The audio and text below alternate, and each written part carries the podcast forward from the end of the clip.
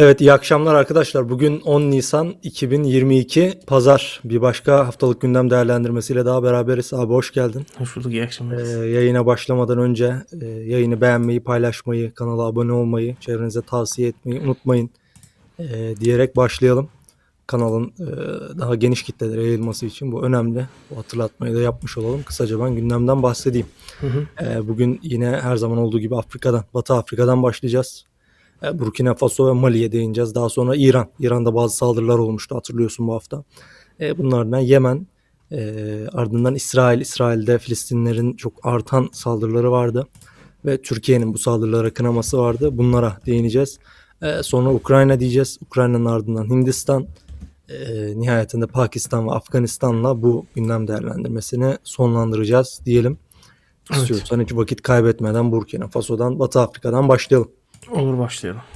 Ee, Burkina Faso'da bu hafta Amerikalı bir kadın misyoner e, kaçırıldı, alıkonuldu.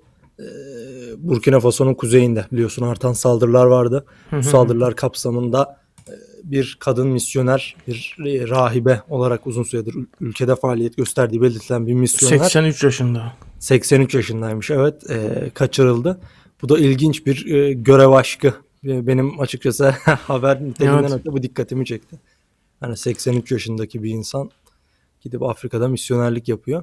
E, bölgede biliyorsun gruplar. Ya işte orada rahibe olarak e, yardım faaliyetlerinde bulunduğu ifade ediliyor ama Afrika'nın bir köyünde 83 yaşında bir kadının gerçekten çok böyle e, ciddi bir motivasyonla orada bulunması lazım yani. Tabii dava aşkı kadında Evet. varmış herhalde. E, bölgede biliyorsun gruplar rehin alma eylemlerini özellikle maddi fon bulmak için kullanıyorlar. Daha önce de rahibe benzeri Hı hı. kişiler, rahibeler e, kaçırılmıştı, alıkonulmuştu diyelim.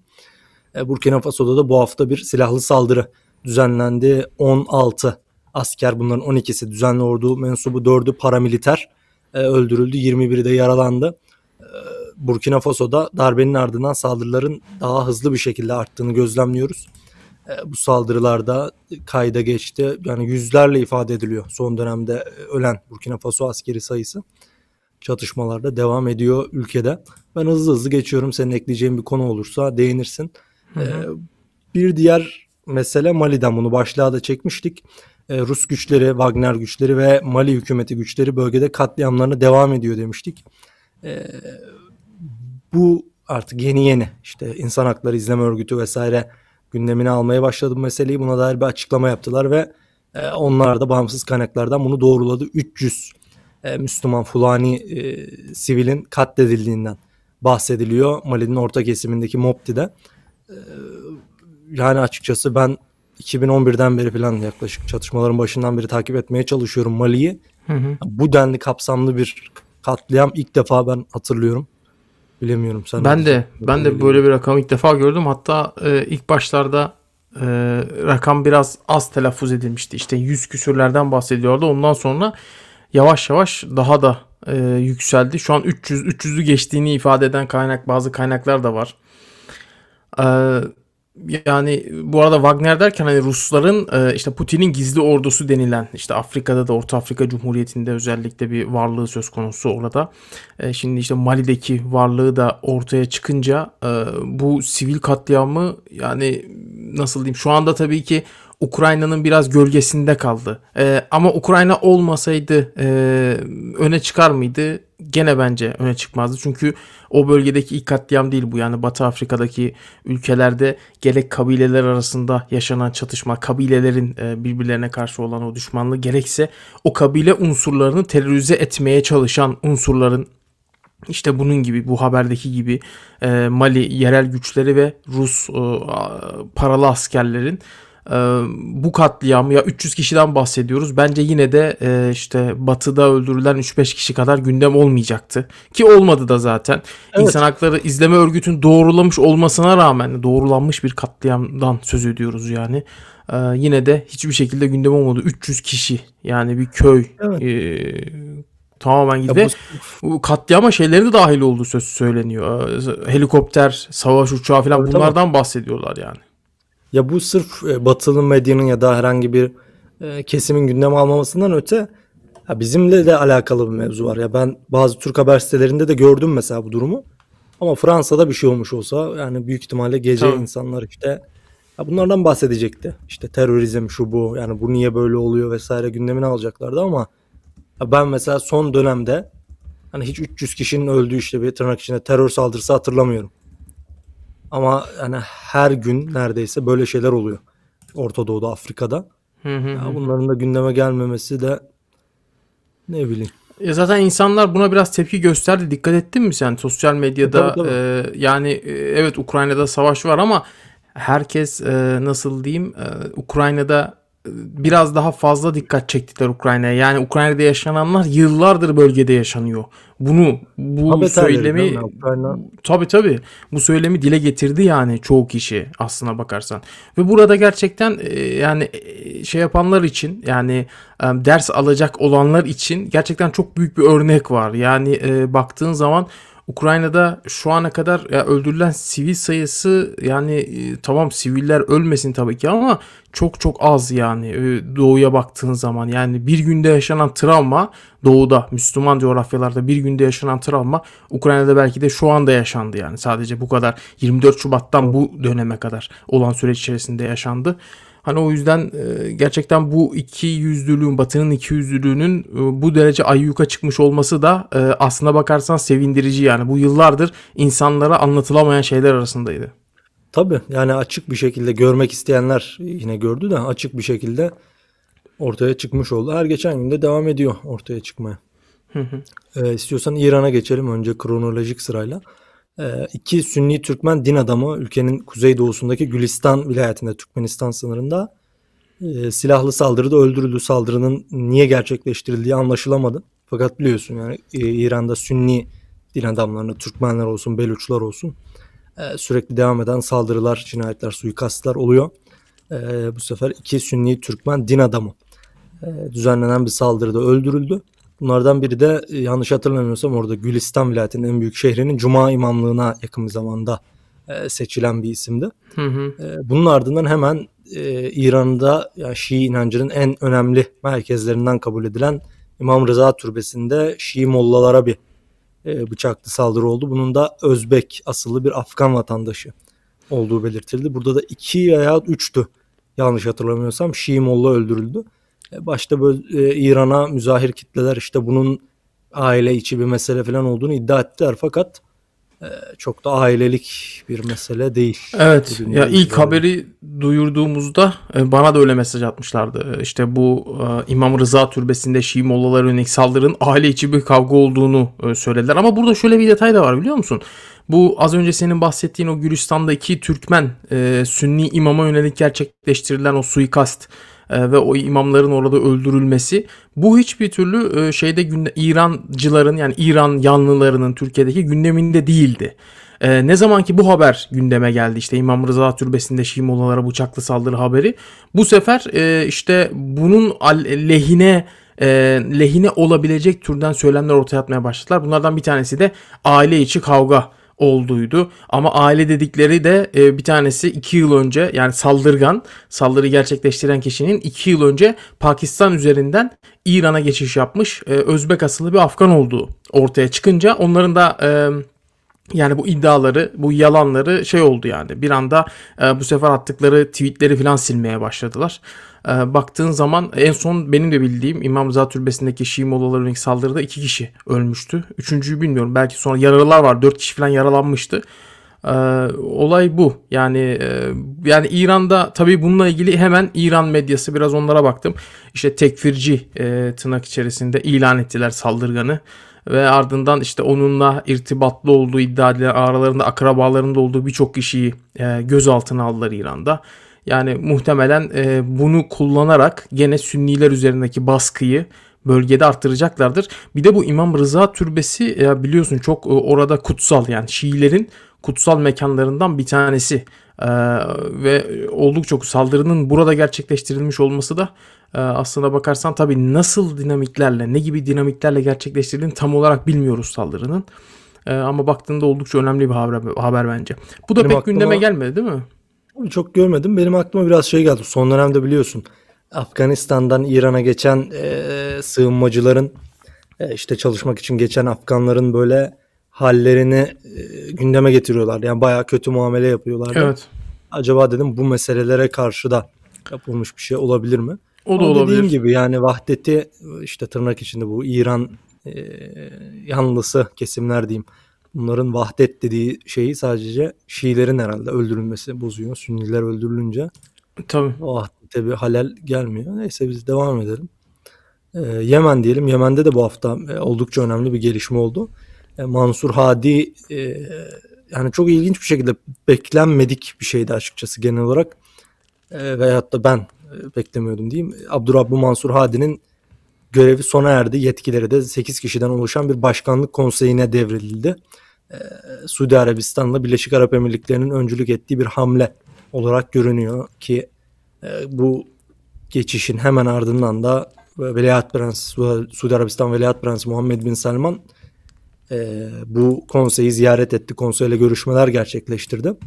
E, Yemen için de açıkçası bir değişim neler getirecek bunu biraz beklemek lazım.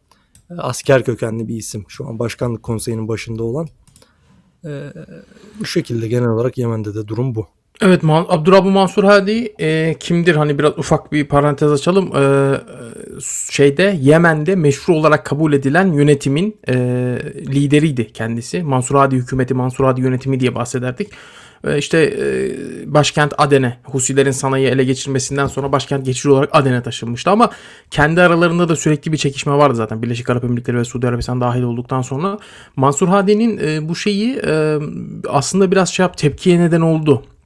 Yani görevden alındı yani şu anda Mansur Hadi. Yani e, yetkileri işte o başkanlık konseyine devredildi ve şu anda kendisinden haber dahi alınamadığı e, ifade ediliyor. İşte Mansur Hadi'nin bazı e, taraftarlar ona yakın isimler bunu ifade ediyor. En azından öyle söyleyeyim.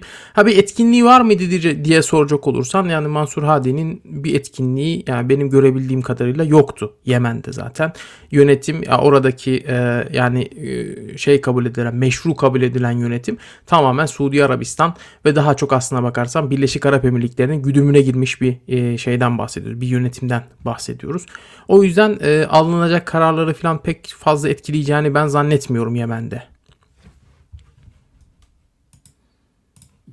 Evet, e, devam edelim.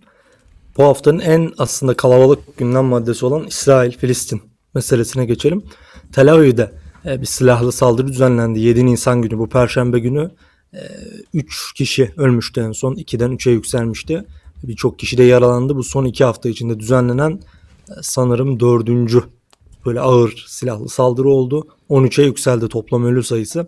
E, İsrail de buna karşılık olarak özellikle Batı Şeria'daki Cenin, Cenin şehrini ve Cenin kampını sık sık basıyor. Burada da e, yani sayısı herhalde bir 10 ondan e, fazla şu anda Filistinlileri öldürüyor. Özellikle Seraya Kudüs'ün yani bu İslami Cihat Filistin İslami Cihat Hareketi'nin silahlı kanadı olan Seraya Kudüs'ün Cenin'de faaliyet gösteren e, kanadını hedef alıyor. Bunlardan çok sayıda kişi yaşamını yitirmiş durumda. E, bu saldırılarda bölgeyi germeye devam ediyor. Kudüs'te özellikle Mescid-i Aksa'da artan bir gerilim var. E, Türkiye bu saldırıları kınadı biliyorsun. Bu da e, çok fazla gündeme oturdu. Türkiye ile İsrail arasında Hı hı. uzun süredir bir normalleşme süreci var, bir düzelme süreci var ilişkilerde. E, Türkiye kınama yayınladı. Biliyorsun Cumhurbaşkanı Erdoğan ayrı bir kınama yayınlamıştı önceki saldırılardan sonra. E, son saldırının ardından Türkiye'nin Tel Aviv Büyükelçiliği e, bir kınama yayınladı. E, bunun ardından da Hamas, Hamas'ın sözcüsü e, bir açıklama yayınladı ve dedi ki Türkiye'nin Bahreyn'i de buna kattı. Bahreyn de e, kınamış saldırıları. Türkiye'nin İsrail'deki saldırıyı kınamasını biz esefle karşıladık şeklinde bir açıklamada bulunmuş. E, Hamas'ta genel olarak Filistin'de Bu arada- böyle. Bugün de sen söyledin ben atla, atlamış da olabilirim. Bugün de bir saldırı e, önlendi diye haber geçti İsrail Bu kaynakları ama. Askalan'daki, Askalan'daki olayı diyorsun. Ya o e, bir kişi bir İsrail askerinin sanırım silahını almaya çalışmış, vurulmuş ve hayatını kaybetmiş ama şey diyorlar. Ya psikolojik sorunları vardı vesaire gibi bir şeyler diyorlar ama Şu anda evet olabilir. Benim de aklıma geldi. Yani şu anda İsrail güvenlik güçlerinin bir paranoya halinde e, olduğunu düşünüyorum ben de. Yani çünkü o ilk saldırılardan, Türkiye'nin kınadığı saldırılardan sonra e, sokaklarda özellikle baskın gerçekleştirdikleri Cenin'de filan böyle gruplar halinde geziyorlar. Önlerine gelen evi basıyorlar filan. Tabii ki bunlar da e, şey olmadı. E, bu şu anda bu saldırılar üzerinden İsrail'in Filistinlilere yönelik baskısı da artmış durumda.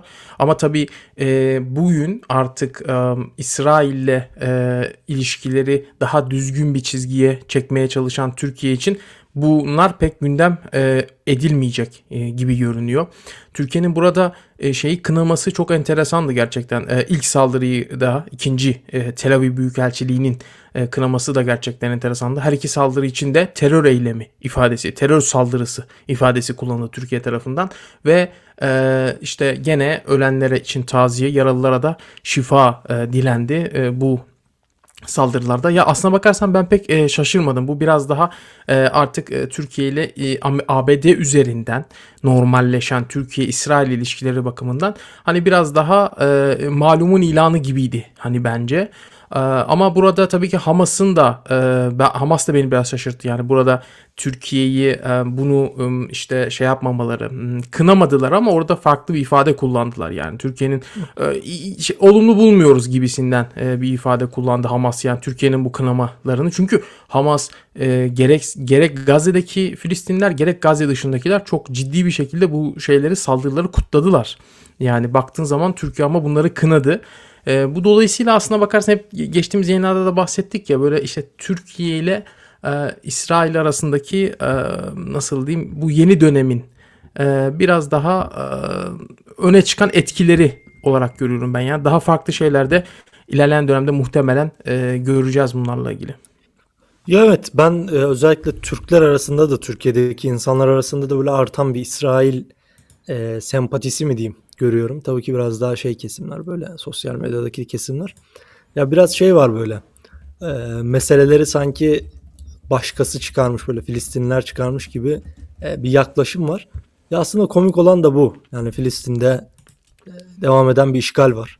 Filistin'de İsrail'in tamamen böyle yani dışarıdan insan taşıyarak sürdürdüğü bir işgal politikası var. Bir Yahudileştirme politikası var. Bunun adını çok net bir şekilde koymak gerekiyor. Ya buna rağmen işte bunu eleştiren insanlara falan bir şey demek e, ya bana biraz vicdansız geliyor. Yani böyle ideolojik veya işte dini meselenin ötesinde bunu söylüyorum. ya burada tabii ki bir etki varsa bir tepki de olacak. Tabii ki bu saldırıları işte biri meşru kabul eder etmez terör der başka bir şey der ama yani böyle şeylerin olması da böyle çok ya böyle bir şey nasıl oldu e, denebilecek bir durum yok ortada. Yani neredeyse 100 senedir devam eden bir da 100 sene aşkın süredir devam eden bir meseleden bahsediyoruz. Yani her etki karşısında bir tepkiyi e, doğuruyor. O yüzden böyle şeyleri görmeye devam etmek normal. Burada bir tarafın mağdura yatmak için bunu yaptığı vesaire e, gibi de eleştiriler oluyor ama yani dediğim gibi yani toprakları herhalde işgal edilen toprakları kendi kültüründen, kendi inanışından, kendi fikriyatından her gün soyutlanan işte böyle evlerine hapsedilen, ülkesinde duvarlara örülen, bir mahalleden diğerine gitmesine dahi izin verilmeyen, ırkçılığa, ayrımcılığa uğrayan insanlar da bir şekilde bir tepki verecek. Bu tabii yani. Ee, bu dünyanın her tarafında böyle açıkçası. Biraz böyle mantığını kullanabilen her insanın fark edebileceği bir mesele. Yani e, bu evet ben saldırılara saldırılara tepki verilmesini anlayabiliyorum ama bir yandan da baktığın zaman İsrail'in Filistin'e yönelik müdahaleleri de çok sertleşmiş durumda. Yani artık bence her şüphe duydukları kişi zaten önceden de vuruyorlardı da e, artık böyle daha da e, nasıl diyeyim daha böyle e, hiçbir ceza almayacaklarından emin bir şekilde hiçbir kimsenin kınamayacağı bir şekilde daha meşru bir zemin üzerine oturtacaklardır bence bu e, insanlara müdahale şekillerini. Hani geçen Tabii. mesela bir gösteride gözaltına alınan adam vardı Filistinli.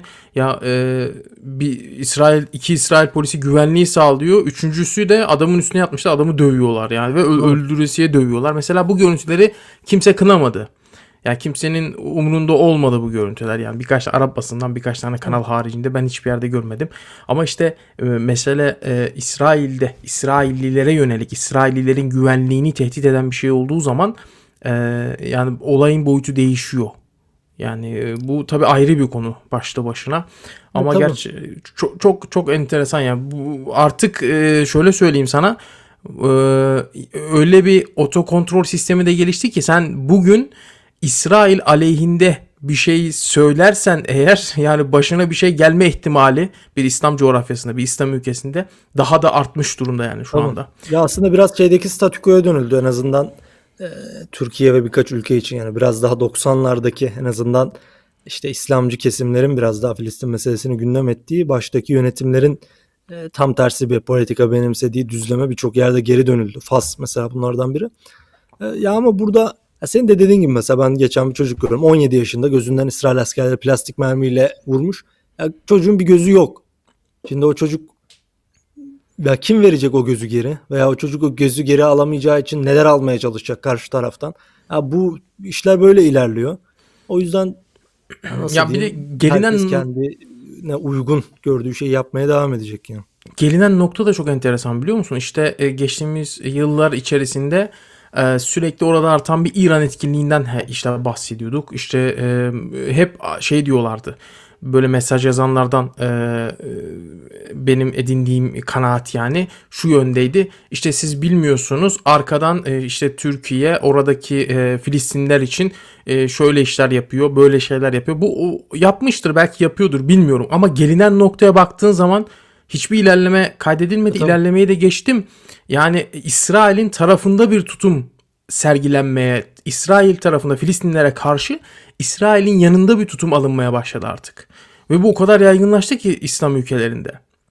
Ya burada ha, sen sözünü mü kestim devam et. Yo yo devam edebilirsin. Burada şunu aslında görmek gerekiyor. Ee, genellikle burada devletlerin takınacağı tavır statükoyu devam ettirmek. Burada da statükonun devam etmesi İsrail'e yarıyor. Yani İsrail statükoyu devam ettirip bölgedeki Yahudileştirme faaliyetlerine, bölme faaliyetlerine devam ediyor. Statükoyu bozan işte Filistinlerin bazı saldırıları gibi, bazı işte çatışmalar gibi statükoyu bozan şeyler Hı hı. tabii ki normalleşen devletler tarafından cürüm olarak görülüyor. Ya bu herhangi bir ülke üzerinde değil. Bütün ülkelerde böyle. O yüzden tek taraflı işte İsrail'de düzenlenen saldırılar statükoyu bozduğu için Hı hı. onlar kınanıyor.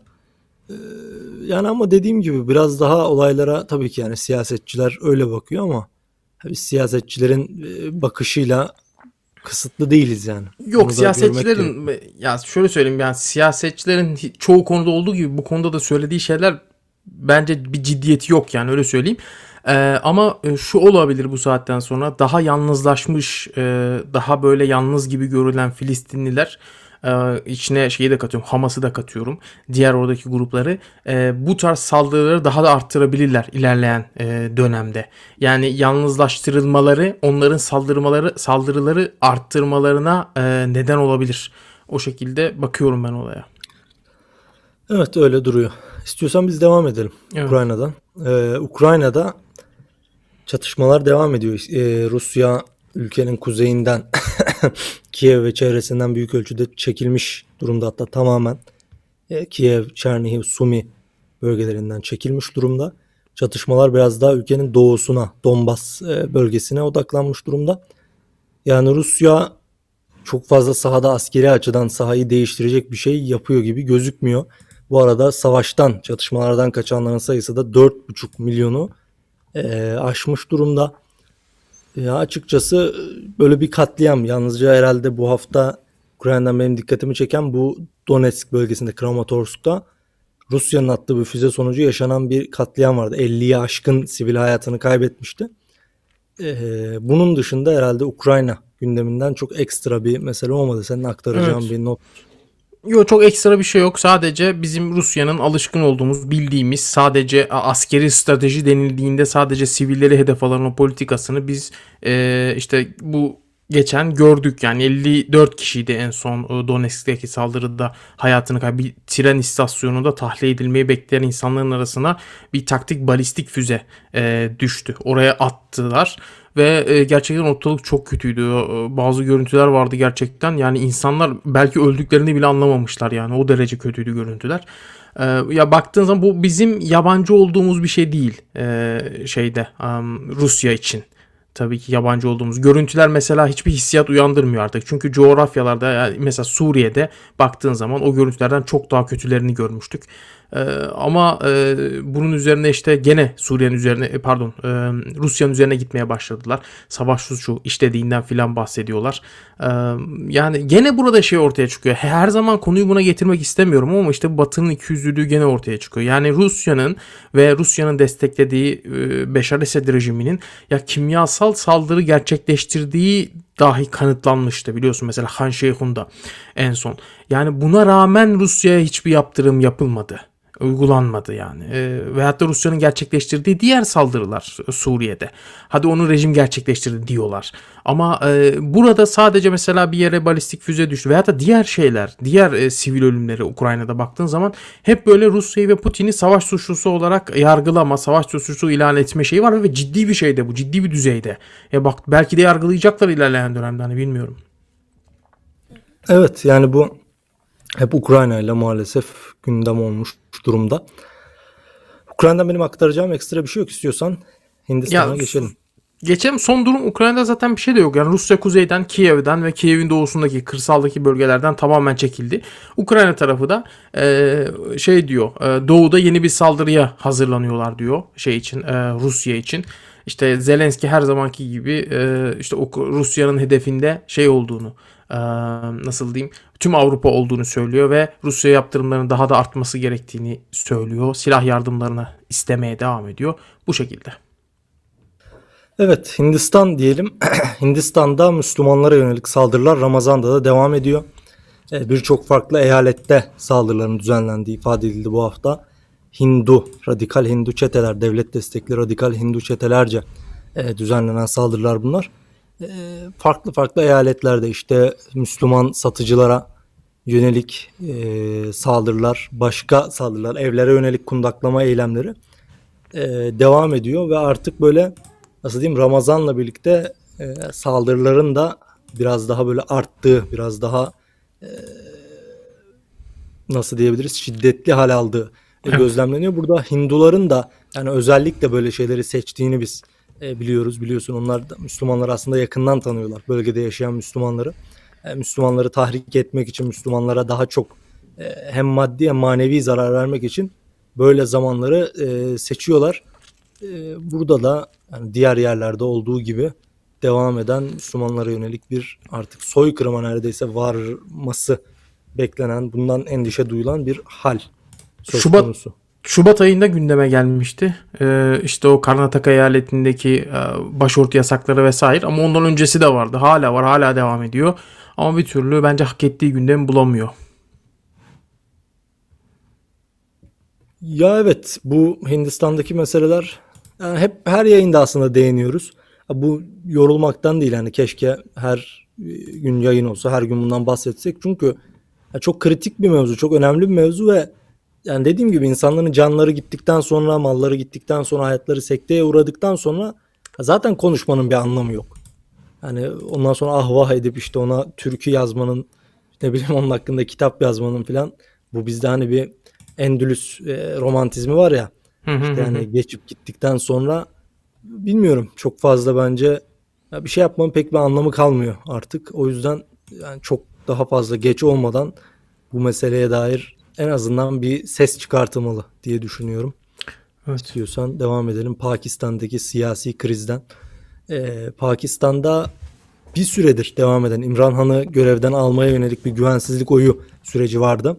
Ee, oylama yapılacaktı bir türlü yapılamadı. İşte İmran Han'ın partisi Tahriki İnsaf oylamayı engelledi. Ee, ancak en sonunda mahkeme Anayasa Mahkemesi'nin de sanırım kararıyla e, geçtiğimiz gün dün yanlış hatırlamıyorsam oylama yapıldı ve Evet. İmran Han görevden resmen alınmış oldu. E, açıkçası İmran Han'ın partisi dün sabahtan e, geceye kadar her şeyi yaptı oylamanın yapılmaması için. Hı hı. Biliyorsun sabah saatlerinde yapılacaktı oylama normalde yerel saatle 10-11 gibi. Ama uzun konuşmalar şunlar bunlar her türlü önleme aldı İmran Han'ın partisi. Fakat en sonunda şey yapıldığını söylen, söylediler iddia yani ordu ve istihbaratın artık bunları tutuklamakla tehdit ettiği hatta İslamabad'dan görüntüler paylaşıldı bu meclisin önüne eee, şeyler getirildi. Bu kamyonet tarzı araçlar böyle cezaevine e, insanları götürmek için. Bundan sonra oylama yapıldı ve 174 idi yanlış hatırlamıyorsam e, oyla İmran Han'ın hükümeti resmen düşürüldü. Bu pazartesi de Şahbaz Şerif, Navaz Şerif'in kardeşi Şahbaz Şerif'in yeni başbakan olarak seçilmesi bekleniyor. Ya ilginç bir süreç oldu. Ee, yine bizim ülkemizde de başka yerlerde de insanlar kutuplaşmak için bir malzeme bulmuş oldu. İmran Hancılar ve İmran Han karşıtları diye. Ee, yani açıkçası İmran Han uzun süredir böyle bir kendisini devirebilecek şiddette bir muhalefetle karşılaşmamıştı. Özellikle başa geldikten sonra Pakistan devlet yapılanmasının da Pakistan ordusu ve istihbaratının da desteklediği bir figür olarak öne çıkıyordu. Ancak son dönemde özellikle Çin ve Rusya'ya yanaşma yönündeki politikaları ve bunun yanı sıra bence en önemlisi koronavirüs salgını sonrasında gelen ekonomik durgunluğun da e, tesiriyle çok fazla yük bindi üzerine E, ve devrilmiş oldu açıkçası bu sürecin herhalde bir seçimle sonuçlanmasını bekliyor herkes ama bakalım seçim olursa ne olacak İmran Han yine çok büyük çoğunlukla kazanacak diyorlar bu sefer ama yine Ya Pakistan- lazım. Bölgenin e, yani yolsuzluk yolsuzluklar ülkesi zaten diye anılıyor zaten. Yani e, nasıl diyeyim zaten istikrarlı bir ülke değildi Pakistan ve bu e, İmran Han'a yönelik zaten hiçbir cumhur hiçbir başbakan e, görev resmi görev süresini tamamlayamamıştı Pakistan'da. İmran Han da bunlar arasına eklendi. Ama e, şöyle bir şey var hani e, Türkiye'de neler konuşuluyor diye ben de baktığımda Amerika'nın e, işte Amerika'nın devirdiği vesaire Amerikan oyunu falan İmran Han da bunu dillendiriyor zaten. Ama e, yani bu böyle midir? Hani şu- ben bu böyledir diyemem yani. Ama bak Pakistan'ın içerisinde bulunduğu ordu ve istihbarata en azından baktığın zaman o ülkenin içerisindeki dinamiklere baktığın zaman öyle olma ihtimali yüksek. En azından böyle diyebiliyorum ben yani. Çünkü şu ana kadar e, geçmiş yönetimlerde ya- yani yakın tarihten bahsediyorum. İmran Han kadar Amerika'ya e, sesini e, yükseltebilen ve ordu ve istihbaratla da e, şey yapan e, zıt düşen bazı birçok konuda e, zıt düşen bir isim daha bu kadar net yani çizgilerle hani pek ortaya çıkmış mıydı bilmiyorum Pakistan'da. İşte en son zaten bu Afganistan'da kullanmak üzere hava araçlarını Pakistan'da e, Pakistan hava sahasını ve üslerini kullanmaya yönelik Amerika'nın bir talebi olmuştu. İmran Han bunu da reddetmişti. Ki İmran Han başbakan 2018'den önce de başbakan olmadan önce de Amerika'nın e, işte o kabile bölgesinde gerçekleştirdiği o meşhur hava saldırılarına hep karşı çıkan bir isimdi. E, sürekli olarak bu yönden Amerika'ya hedef alıyordu. Gösterilerinde bunu dile getiriyordu vesaire. Orada çok fazla sivil ölüyordu çünkü. E, ama tabii e, bir de ben şey de düşünüyordum yani İmran Han'ın yani Pakistan içinde baktığında işte Çin'e bağımlılığı, Suudi Arabistan'a bağımlılığı falan bunu bir kenara koyduğun zaman yani e, Pakistan için belki de bir fırsattı yani İmran Han. E, yani şu anda işte gelecek başa gelecek isimleri falan e, du- duyuyoruz işte şeriflerden bahsediyorlar, buttolardan. Yani e, hiç yani nasıl diyeyim en temiziydi aralarında İmran Han. Yani Şerif yolsuzluğa ailesiyle Mutlu ailesi yine herhalde dönecek siyasete. ya dönecekler ve ya bunlar yolsuzluklarıyla meşhur aileler, yolsuzluklarıyla meşhur insanlar. Yani e, şu anda bile Pakistan'da artık e, İmran Han düştükten hemen sonra bile e, yolsuzluktan içeri atılanlar geri çıkmaya başlamışlar. Daha yeni oluyor bunlar yani. O yüzden Pakistan o eski Amerika'nın da istediği muhtemelen çizgiye e, geri dönüyor. Da zaten ordu ve istihbaratın e, Amerika ile herhangi bir zıt düşme e, lüksü de yok. Yani öyle de değil. Ordu zaten açıklama yayınladı. Dedi bizim Amerika ile ilişkilerimiz çok iyi. Ya bir de Pakistan denildiğinde hani ben Pakistan'ın Türkiye'de e, doğru şekilde anlatıldığını da düşünmüyorum. Anlaşıldığını da düşünmüyorum. E, o yüzden e, Pakistan denildiğinde insanın aklına başbakan, hükümet, kabine, İmran Han falan geliyor. Ama bu pek böyle değil yani. Pakistan'da ülkeyi yöneten iki ana dinamik var. Bir tanesi ordu, ikincisi de istihbarat. E, Bunlar da birbirinden çok ayrı değiller yani iç Tabii. zaten. yani istihbaratın da başına zaten ordudan isimler atanıyor. Ee, ya, yani e, burada e, gene e, ve istihbarat da ordu da gerçekten Amerika ile hani böyle e, çok köle diyebileceğimiz bir ilişki modeli içerisindeler. Tamam. Yani çok e, Amerika'dan emir alan çok sıkı fıkı bir ilişkileri var. Gerek ordu gerek istihbaratın. Ee, ya bunu belki de İmran Han biraz kırmaya çalıştı. Yani en azından bu benim görebildiğim kadarıyla. Ee, ama e, olmadı. Bakalım seçimler olursa e, ki ben bilmiyorum yani biraz zor bir ihtimal gibi geliyor bana İmran Han'ın e, yeniden başa getirirler mi, gelir mi, buna müsaade ederler mi falan. E, Ya Emran Han ama geri adım da atmıyor yani. Bu da ilginç böyle şey de yoktu. Nasıl diyeyim böyle gözü korkup da geri adım atıp e, mevzuyu Ya yarıda en bırakmadı. kötü yani. muhtemelen Türkiye'ye gelir. Çok baskı yaparlarsa Türkiye'den muhalefetini sürdürür yani. Ya gi- gideceği yer çok yani ama e, yani şu burada ben tabii ki kimseden kahraman ya genellikle insanlar bir kahraman arayışında özellikle özellikle İslam dünyasının içinde bulunduğu halden ötürü insanlar hep bir kahraman bulma ona yapışma arayışında. Hı hı da benim kanaatime göre böyle bir İmran Han'dan bir kahraman, bir beyaz atlı prens çıkarmak zor. Fakat dediğin gibi yani Pakistan siyaseti açısından diğer isimler özellikle göz önüne alındığında, diğer isimlerin içerisinde olduğu ilişkiler göz önünde alındığında sütten çıkmış ak kaşık pozisyonda bir insandı İmran Han. Ya fakat e, işte bunun politikaları, işte ülkeyi içine soktuğu durum gibi şeyler e, özellikle e, şeyler tarafından çok muhalifler tarafından çok sıklıkla gündeme getiriyordu ve Çin ile olan ilişkisi. Ya benim açımdan İmran Han evet e, bu şekilde yani biraz ülkede kirlenmemiş bir siyasetçi olarak anılmasının yanı sıra Çin'e dair işte Uygurlara dair söyledikleriyle de genellikle akılda kalacak bir insan oldu yani işte Tabii Çin'e tabii. ifadeleriyle. Ya onlar ayrı bir mevzu doğru. Yani o konuda Çin'le ya Çin'e peygamberin İslam Evet. peygamberinin yolundan gidiyor demiş bir başbakandan bahsediyoruz. Hani o yüzden diyorum yani İmran Han yani düşün bak kötünün iyisiydi. Yani e, diğerleri bence daha kötü politikalar izleyecekler ki zamanında ne oldukları belli yani. Butto ve Şerif'ten ailelerinden bahsediyorum. Ee, yani sadece Çin'de değil yani Suudi Arabistan'a da e, göbeğinden bağlı bir Pakistan. Ya çünkü ekonomi iyi değil yani çok fazla yolsuzluk var. Nüfus çok kalabalık. Bir e, katma değer üretimi yok ülkede. Yani baktığın zaman hani dışa ekonomik olarak dışa bağımlılıklar e, çok e, had safhada. Yani Çin'den işte geçen alınan krediyi ödeyememişler. Çin'in yeni kendilerine yeni bir kredi sayfası açması için bu sefer işte diyorlar biz Çin'in Uygur politikalarını destekliyoruz filan. Suudi Arabistan da keza böyle. Yani Suudi Arabistan'dan da işte bir ekonomik olarak bir bağlantısı söz konusuydu göbekten. Yani çok e, şeydi ama bundan sonra yani e, tamamen benim son söyleyeceğim söz bu Pakistan'la ilgili. Yani Pakistan halkı artık e, bir kere daha işte e, ordu ve istihbaratın insafına e, bırakıldı yani ve işte Amerika Birleşik Devletleri muhtemelen bundan sonra istediği politikalar e, daha e, rahat bir şekilde uygulanacak orada. Ya ya söyledikçe laf lafa açıyor ama ya Amerika Birleşik Devletleri o, orada biliyorsun yani öyle şeyler yaşandı ki Pakistan'da ABD'li ajanlar orada sivilleri öldürüyordu eskiden. Ee, mesela e, İmran Khan döneminde öncekinden bahsediyorum ben. Ee, Nawaz Şerif dönemindeydi yanlış hatırlamıyorsam. Yani bir telefonla içeriden çıkıyordu bu insanlar. Hiçbir şekilde yargılanmıyorlardı dahi. Ya tamam Amerika'nın top koşturduğu bir Pakistan vardı geç 2018 öncesinde. Ha bugün de tabii ki öyle. Gene Amerika Birleşik Devletleri ordu ve istihbarat e, orada muktedir olduğu için ülkede e, gene Amerika'nın bölgedeki en yakın müttefiği yani. Ama başbakan e, biraz pürüz çıkartıyordu İmran Khan. Hani öyle söyleyeyim anlaşılabilir olması açısından. E, o yüzden de şu anda e, bence gecikmiş bile biliyor musun? Yani gecikmiş bir Ama şey yani. uzun 2018 sürmesi bu yani şeydi bu yani. Pakistan'da hep bekleniyordu bu. Hep bir şey olacağı. Çünkü hiçbir başbakan tamamlayamamış. Bunun sadece zamanı konuşuluyordu.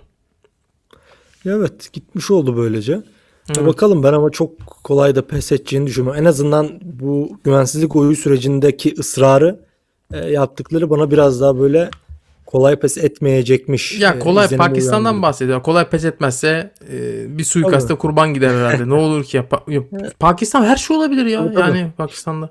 Tabii canım. Ya çıkış yasağı koydular zaten hemen ülkeden de. Yani şu el mühim nihayetinde yani Pakistan'ın normal bir ülke olabilmesi için yani bizim işte dünyada en azından doğuda ne kadar normal ülke var, ne kadar bağımsız ülke var bu tartışılır ama Hı hı. e, ordu ve istihbaratın cenderesinden kurtulup gerçekten Pakistan halkının iradesini ortaya koyan e, bir hal alması lazım. Ha burada Pakistan halkının iradesinden kastım. Ya bu her ne kadar ordu ve istihbarat da bunu dile getiriyor olsa da biz önceki yayınlarda da hatırlıyorsan bahsetmiştik. Pakistan yani varlık sebebi e, İslam ile Hinduizm arasındaki Evet. ulaşmazlık olan bir ülke Evet her evet. zaman bunu dile getiren ve vatandaşlarının da buna dile getirdiği bir ülke. Ancak baktığın zaman Pakistan'ın yöneticileri özellikle ordu, istihbarat ve diğer işte benzer kesimler ya kesinlikle bundan alakasızlar. Hani siyasi olarak da, yaşantı olarak da, zihniyet olarak da bundan alakasızlar. O yüzden halk ile yönetici elitler arasında çok ciddi bir uçurum var. Bilhassa ordu ve istihbarat. Yani bu şekilde devam ettiği sürece bağımsız bir Pakistan'dan yani halkın e, istediğinin ya da kurucu sebebin isteğinin olduğu bir Pakistan'dan bence söz etmek çok mümkün değil. Bu İmran Han da başta olsa böyle ne bileyim başka bir işte Şahbaz Şerif de başta olsa böyle bunun Pakistan açısından aşılması lazım. Ya bu da siyaset ötesi bir mesele aslında ama insanlar da çok siyaset ötesi meselelerle ilgilenmiyor. Genellikle gündelik siyaset Evet. tercih ediyor. Devam edelim Afganistan'dan istiyorsan. Hı hı. Ee, Çin ve Rusya Afganistan e, İslam Emirliği yönetiminin atadığı diplomatları onayladı. Ee, özellikle bu e, Rusya'daki çok fazla gündem oldu. Ee, açıklamada yaptılar resmi bir videoda yayınlandı gidip işte o beyaz bayrağı Hı hı. Elçiliğe astı. Yavaş yavaş tanınma sürecine doğru sanki gidiliyor gibi Afganistan'daki yeni yönetim bakımından.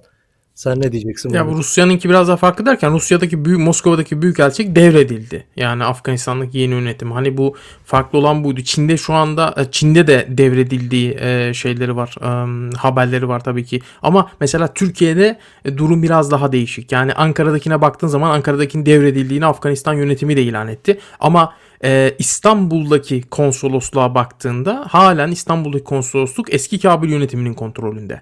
Ya bunu net olarak e, bildiğim için söylüyorum. Ama Ankara'ya gittiğin zaman biraz daha biraz daha değil öyle yani. Adamın Emirhan Muttaki'nin yanında biliyorsun video verdi e, Afganistan'ın e, şey Tür- Ankara Büyükelçisi. evet. Ee, ama e, baktığın zaman bunlar hiçbirisi tanınma anlamına gelmiyor. Yani şu anda mesela e, Pakistan, Katar, Çin, Türkiye e, bu ülkelerde e, işte arasında şu anda şey de katıldı, Rusya da katıldı. Bu ülkelerde e, büyükelçiliklerin ve konsoloslukların devralındığı ilan edildi. E, ama tabii ki bir tanınma yok şu anda resmi bir tanınma yok. Bu resmi bir tanınmaya doğru gidiyor herhalde böyle merhale merhale. E, ve e, e, şey de olmadı ama hani e, e, Afganistan yönetiminin atadığı diplomatlarda da sadece şu ana kadar e, açıklananlardan bahsediyorum resmi olarak. Çin ve e, Moskova e, bunların akreditasyonlarını sağladı yani uygundur dedi. E, Türkiye'den mesela şu ana kadar belki sağlandı, akreditasyon verildi ama e, bunu ilan etmediler. E, ve diğer e, mesela Çin'de de Pakistan'da da Pakistan aslına bakarsan ilk zamanlarda hemen e, bu gerçekleşti. Oradaki büyükelçilik İslamabad'daki hemen devredildi ama bu pek gündeme gelmedi. E, yani ilan edilip edilmeme konularında bence biraz e, dikkat ediyorlar. Hani öyle söyleyeyim. E, gelişmeler biraz daha artık e, şeye doğru evriliyor Afganistan'da. Yeni yönetimin uluslararası arenada bir tanınırlık elde etmesi sürecine doğru evriliyor. Yani başka bir Tamam. diplomatik bir gelişme, e, önemli bir gelişme yok yani şu anda Afganistan'da. Evet ya bu herhalde Batı'yla da tek olan mesele yani bahar ne bitmez de e, bu kız okullarının açılması Hı hı. kalmış gibi. Bu da herhalde açıldıktan sonra belki batılı ülkelerden de Türkiye'den de benzer hamleler görebiliriz gibi. Bir de petrol üretimiyle ilgili bir mesele vardı. Ülkenin kuzeyindeki Sarıpul ilinde e, bir petrol rezervindeki bazı e, nasıl diyelim bazı noktalar, bazı petrol kuyuları Kuyular, açıldı. kuyu. 9 tane, 9 Evet. tane kuyu açıldı. E, 150 bin dolar günlük gelir elde edilmesi düşünülüyor. Hı hı. E, yani yavaş yavaş artık yeraltı kaynaklarına yönelik de hamleleri başlatmış durumda Afganistan yönetimi. Şu an ekrana yansıyan da Afganistan'ın 6 ayrı hidrokarbon havzası var bilinen. E, Bunlardan işte bu Amudarya havzasında bu petroller çıkarılmış durumda. İlerleyen süreçte yeni sondajlarında yapılacağı belirtiliyor. Bu da böyle bir gelişmeydi Afganistan'da. Evet. Benim e, bu hafta bu kadar aktaracaklarım. Benim de aktaracağım notlar bu kadar. İstiyorsan e, yayını burada noktalayalım. Arkadaşlar biz e, katıldığınız için teşekkür ederiz. Haftaya inşallah yeniden görüşmek üzere. İyi akşamlar herkese. İyi akşamlar.